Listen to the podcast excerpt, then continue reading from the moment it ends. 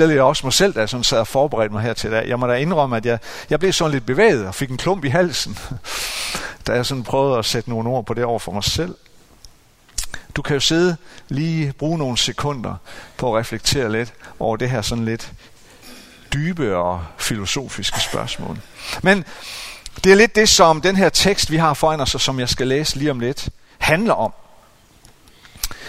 Uh, og den tekst, vi kommer ind i, der befinder vi os på det, som vi kalder for Paulus' tredje missionsrejse.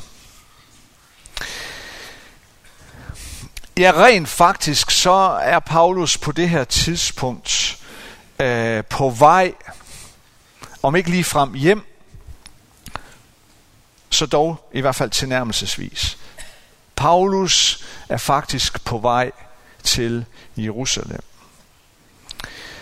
For han oplever, at det er det, han skal. Han oplever, at det er det, Gud har talt til ham om gentagende gange. Og Paulus er klar over, at det, der venter ham i Jerusalem, er fangenskab og lænker.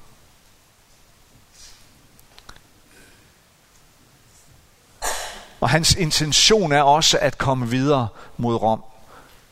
Og vi ved, at det skete, når vi læser de sidste kapitler af Apostlenes Gerninger. Paulus ved på det her tidspunkt, at det lakker mod enden af hans liv og hans tjeneste. Så han er på vej mod Jerusalem. Men på vejen, så gør han holdt i Efesus, hvor han jo har været før. Og der i Efesus, så beder han om at få sammenkaldt menighedens ældste, lederne, for at tale med dem. Og så står der sådan her i Apostlenes Gerninger, kapitel 20 og fra vers 18. Da de var kommet, sagde han til dem. I ved, hvordan jeg hele tiden har færdedes hos jer, lige fra den første dag, da jeg kom til provinsen Asien. Jeg har tjent Herren i al ydmyghed og under tårer og under de prøvelser, som har ramt mig ved jødernes efterstræbelser. I ved, at jeg ikke har fortidet noget, som kunne være jer til hjælp, men jeg har forkyndt for jer og undervist jer offentligt og privat. Både for jøder og grækere har jeg vidnet om omvendelsen til Gud og om troen på vor Herre Jesus. Og se, nu drager jeg til Jerusalem, bundet af ånden. Hvad der vil møde mig der, ved jeg ikke. Jeg ved kun, at Helligånden i by efter by forkynder mig, at der venter mig lænker og trængsler. Men jeg tillægger ikke mit liv nogen betydning. Når bare jeg må fuldføre mit løb og den tjeneste, jeg har fået fra Herren Jesus, at vidne om evangeliet om Guds nåde. Far, tak for, fordi du taler til os igen og igen. Tak fordi du har givet os ordet. Ordet om dig, Kristus, at du er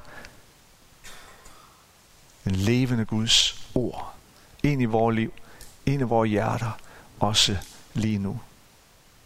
Amen.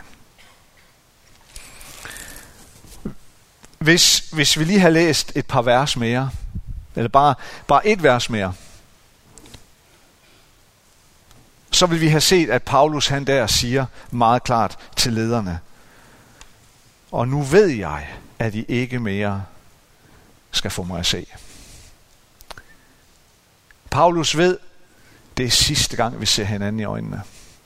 Det er sidste gang, vi kan stå her og tale sådan sammen i den her tilværelse.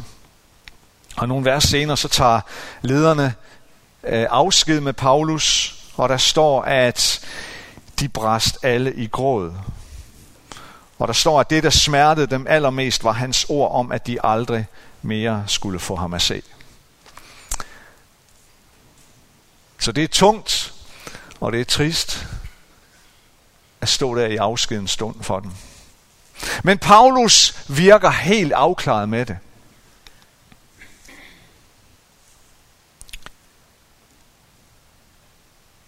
Men det er selvfølgelig svært for dem, som skal blive tilbage. Dem, der ved, at det vil være et enormt savn og en sorg, at Paulus ikke skal være sammen med dem mere. Men det, som Paulus siger til dem, til de ældste, synes jeg er interessant. Fordi det er med til at sætte nogle ord på, hvordan Paulus så på sig selv. Hvordan han så på det liv, han havde levet. Den tjeneste, han havde stået i. Og det sætter nogle ord på de virkelig dybe værdier i hans liv. Hvad han har bygget på. Hvad han har lagt vægt ved i sit liv. For det første så siger Paulus, at jeg har tjent Herren i al ydmyghed. Jeg har tjent Herren i al ydmyghed. Det er egentlig lidt sjovt, at han bruger det udtryk her. Når man sådan tænker på, hvor meget uro, hvor meget en øh, opstand og forfølgelse, der opstod i kølvandet på Paulus, der hvor han kom frem. At uanset hvor Paulus kom frem, så skal der lov for, at der bliver virvlet støv op. Og der bliver uro. Og opstand og modstand. Og så står Paulus og siger, jeg har tjent Herren i al ydmyghed. Men det handler mere om det, der skete, når Paulus forkyndte evangeliet. At det var forkyndelsen om Jesus Kristus som frelser, som Guds søn, som herre. Det var det, der gjorde mennesker oprørte og vrede. Nogle af de steder, hvor Paulus kom omkring. Men selv optrådte Paulus stille og ydmygt. Hans ønske var, at Jesus i et og alt måtte være i centrum. Han gik ikke omkring med et ønske om, at han skulle være i centrum.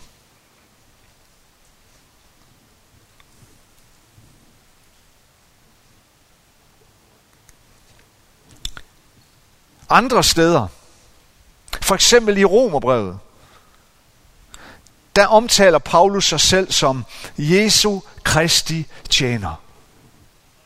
Jesu Kristi tjener. Tjener, det er måske, det er måske den oversættelse, vi bedst kan lide. Men vi skal bare huske på, Paulus han bruger det græske ord doulos.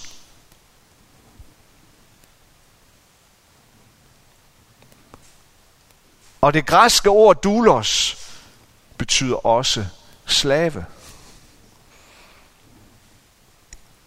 Begge oversættelser er sådan set gode nok. Men vi skal bare huske på, at på Paulus' tid, så var slave og tjener to sider af den samme sag. Det indebar, at du stod i tjeneste for en anden. At man ikke tilhørte sig selv længere, men at man skulle adlyde en anden i et og alt. Og det var sådan, Paulus så på sig selv. For Paulus, så var den anden, som han tilhørte, Jesus Kristus. Paulus siger faktisk om sig selv, jeg er Jesu Kristi slave.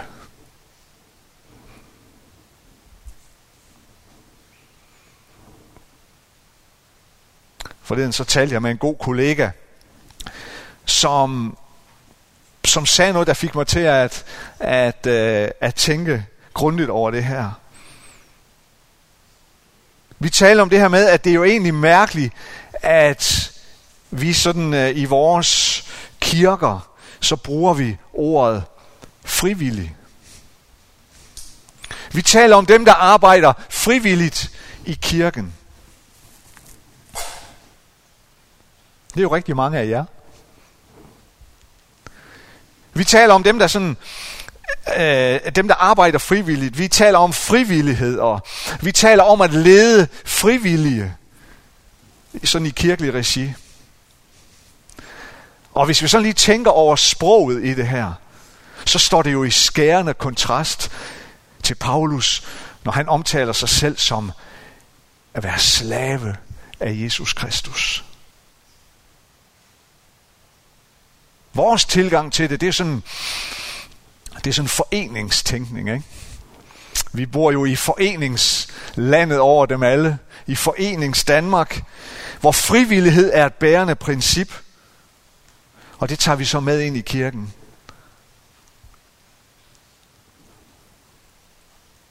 Og med det begreb, så signalerer vi jo, jeg er frivillig. Jeg er frivillig i kirken. Og dermed så signalerer vi, det er fordi, jeg hurtigt kan komme ud af det igen, hvis jeg vil. Hvis ikke det passer mig mere, hvis jeg får et bedre tilbud, hvis ikke det længere giver mig det, jeg har brug for, eller det, jeg foretrækker, så trækker jeg mig bare, for jeg er frivillig. Den tankegang var utænkelig for Paulus. Fuldstændig utænkelig. En slave trækker sig ikke. Det er slavens herre, som bestemmer. Og det skal vi have for øje, tror jeg, når Paulus siger, at han har tjent Herren i al ydmyghed. Det kommer an på Jesus, og ikke på mig, vil Paulus sige. Præcis som Johannes Døber, som står der sammen med sine disciple og ser Jesus komme. Og så siger Johannes Døber, det her, det er mit mål i livet. At han må blive større, og jeg må blive mindre.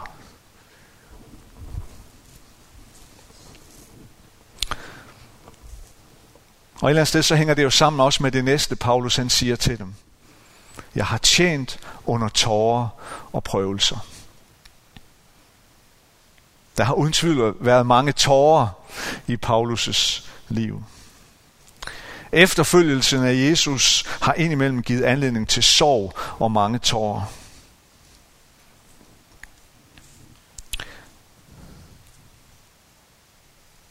Og jeg tror, at tårerne først og fremmest skyldes mødet med mennesker, som, hvor mødet ikke faldt ud, som Paulus havde ønsket eller håbet på.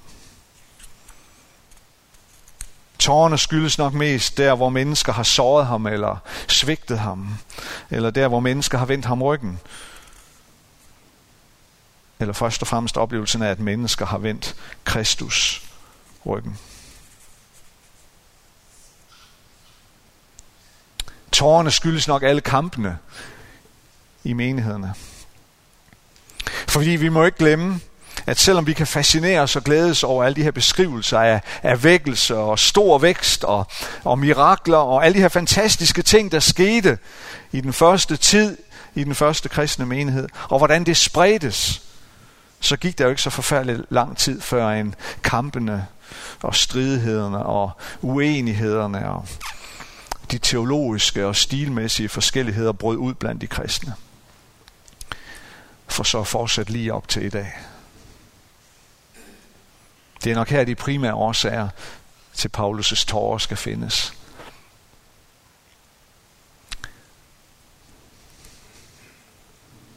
Og så slutter Paulus af med at sige til dem, at det eneste, det handler om for ham, det er, at han må fuldføre det løb og den tjeneste, som Jesus selv har givet ham. At vidne om evangeliet om Guds nåde. Paulus han taler om at fuldføre løbet. Det handler om at slutte godt. Det handler om at blive ved med at løbe lige ind til målstregen. Paulus taler i andre sammenhæng om det her med at se sig selv som en sportsmand, som, som træner hårdt for at vinde sejrskransen. Vi må se her i aften, om der er nogle danske håndboldpiger, der står med, med sejrskransen. det håber vi på. Øhm, men Paulus, han har hele tiden set sig selv på den måde. I tjenesten for Jesus. Som en, der er 100% dedikeret. Som en, der offer alt for at nå frem til målstregen. Og så forklarer han, hvad er det for en tjeneste, Jesus har givet ham? Jo, det er tjenesten for evangeliet. Og Paulus beskriver med ganske få ord, hvad evangeliet er for ham. Det er Guds nåde. Det er Guds nåde, han er sendt for at forkynde. Det er Guds nåde, han har offret alt for i sit liv. Det er Guds nåde, som han selv har mødt til overflod, og som han har sat forud for alt andet, for at mennesker skal komme til at kende og til at erfare den selvsamme Guds nåde i deres liv. Til menigheden i Rom, for at vende tilbage til det brev, så beskriver han også evangeliet som værende Guds kraft. Guds kraft til frelse for enhver, som tror. Jeg skammer mig ikke, siger Paulus. Jeg skammer mig ikke over evangeliet. Fordi jeg ved, at det er Guds kraft til frelse for enhver, som tror. Jeg kommer aldrig til at skamme mig, siger han, over det. Så han beskriver evangeliet som Guds nåde til frelse og Guds kraft til frelse. To sider af den samme sag for Paulus. Det er evangeliet for ham. Det er Guds nåde, og det er Guds kraft. Paulus ved, at han står ved afslutningen af sit liv og sin tjeneste. Og så sætter han de her ord på, hvad det er, der har kendetegnet ham og hans motivation.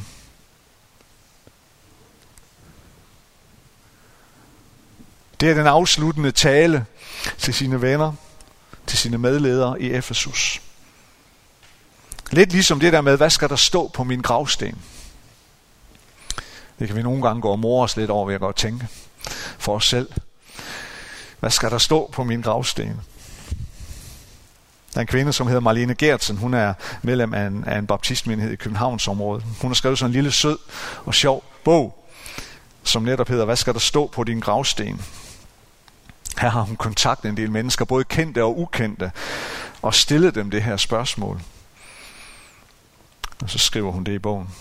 Fordi svaret på det spørgsmål et eller andet sted, det handler, det handler rigtig meget om, hvad vi har lagt væk ved gennem livet. Og på, hvordan vi både ser på livet og døden. Det interessante ved, ved at læse den her lille bog, det var, at, at flere har svaret sådan her. Der må rigtig gerne stå, jeg gjorde mit bedste. Jeg gjorde mit bedste. At det er lige præcis den tekst, det vidner jo om, at det er det, de fleste gerne vil huskes for. At vi sluttede lige så godt, som vi begyndte. At vi har kæmpet hele livet og forsøgt at bruge alle de gaver og de talenter, vi blev givet.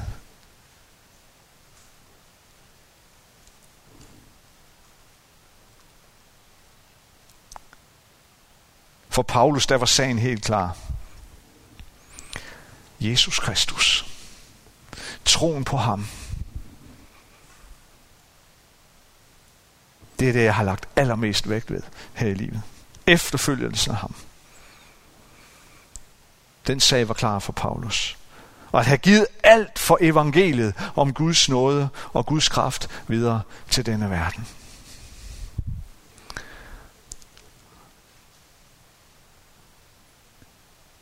Det var det, han ønskede at dele med sine venner og medledere, da han stod der og vidste.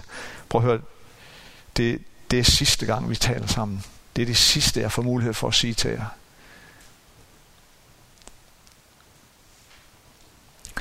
Hvad vil dit svar være? Hvad vil, hvad vil mit svar være? Hvad vil du lægge vægt på?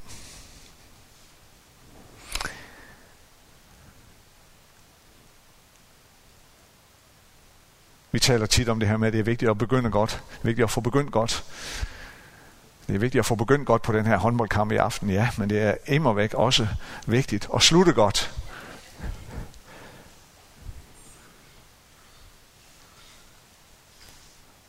Paulus' budskab, det var, at jeg har kæmpet for at nå den her målstreg, og jeg har blevet ved, og nu er jeg der. Og jeg ved, at jeg har nået det. Hvad bliver dit og mit svar? Hvad ønsker vi at kunne sige til andre mennesker i forhold til det kald, vi har båret på, det kald, du har båret på? Den sendelse, Gud har givet dig. når du står der en skønne dag.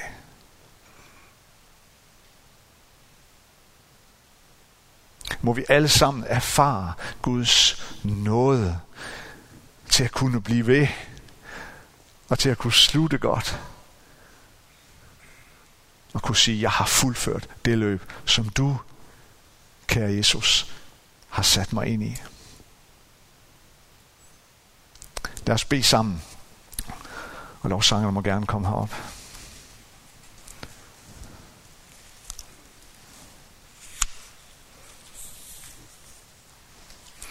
Lad os bede en bøn sammen, og lige om lidt, så vil vi, øh, så vil vi fejre nadveren sammen. Hvor Jesus inviterer dig. Midt i løbet inviterer han os altid ind i det her fællesskab. Lad os bede sammen. Kære Jesus, tak fordi du er her lige nu.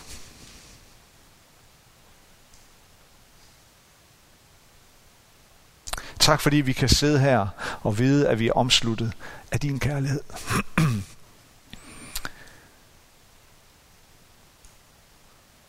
At vi sidder her under dine, din nådes vinger.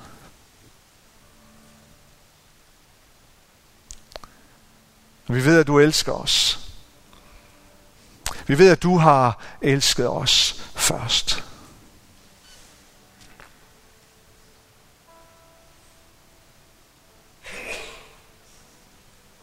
Jesus, tak fordi du har sendt mennesker som Paulus og mange andre med ham, som vi står på skuldrene af. Og som kan motivere os til at holde ud i det løb, du har placeret os i. Og vi har virkelig brug for dig til at kunne holde ud i en verden, der på mange måder ryster, ryster os og skræmmer os øh, og udfordrer os så har vi brug for din styrke og din kraft til at holde ud. Til at stå fast. Og til at kunne slutte godt.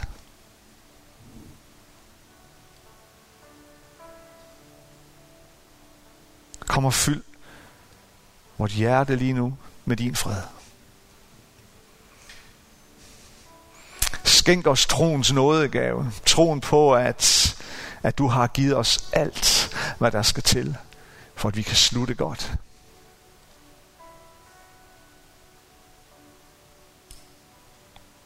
Og skænk os troen på, at du aldrig slipper os. Og aldrig forlader os. Hjælp os til, når vi går ud herfra i dag og går ud i hverdagens gudstjeneste. Og erfare, at der er noget nok til hver dag fordi du er os nær. Vi beder i dit navn, Jesus. Amen.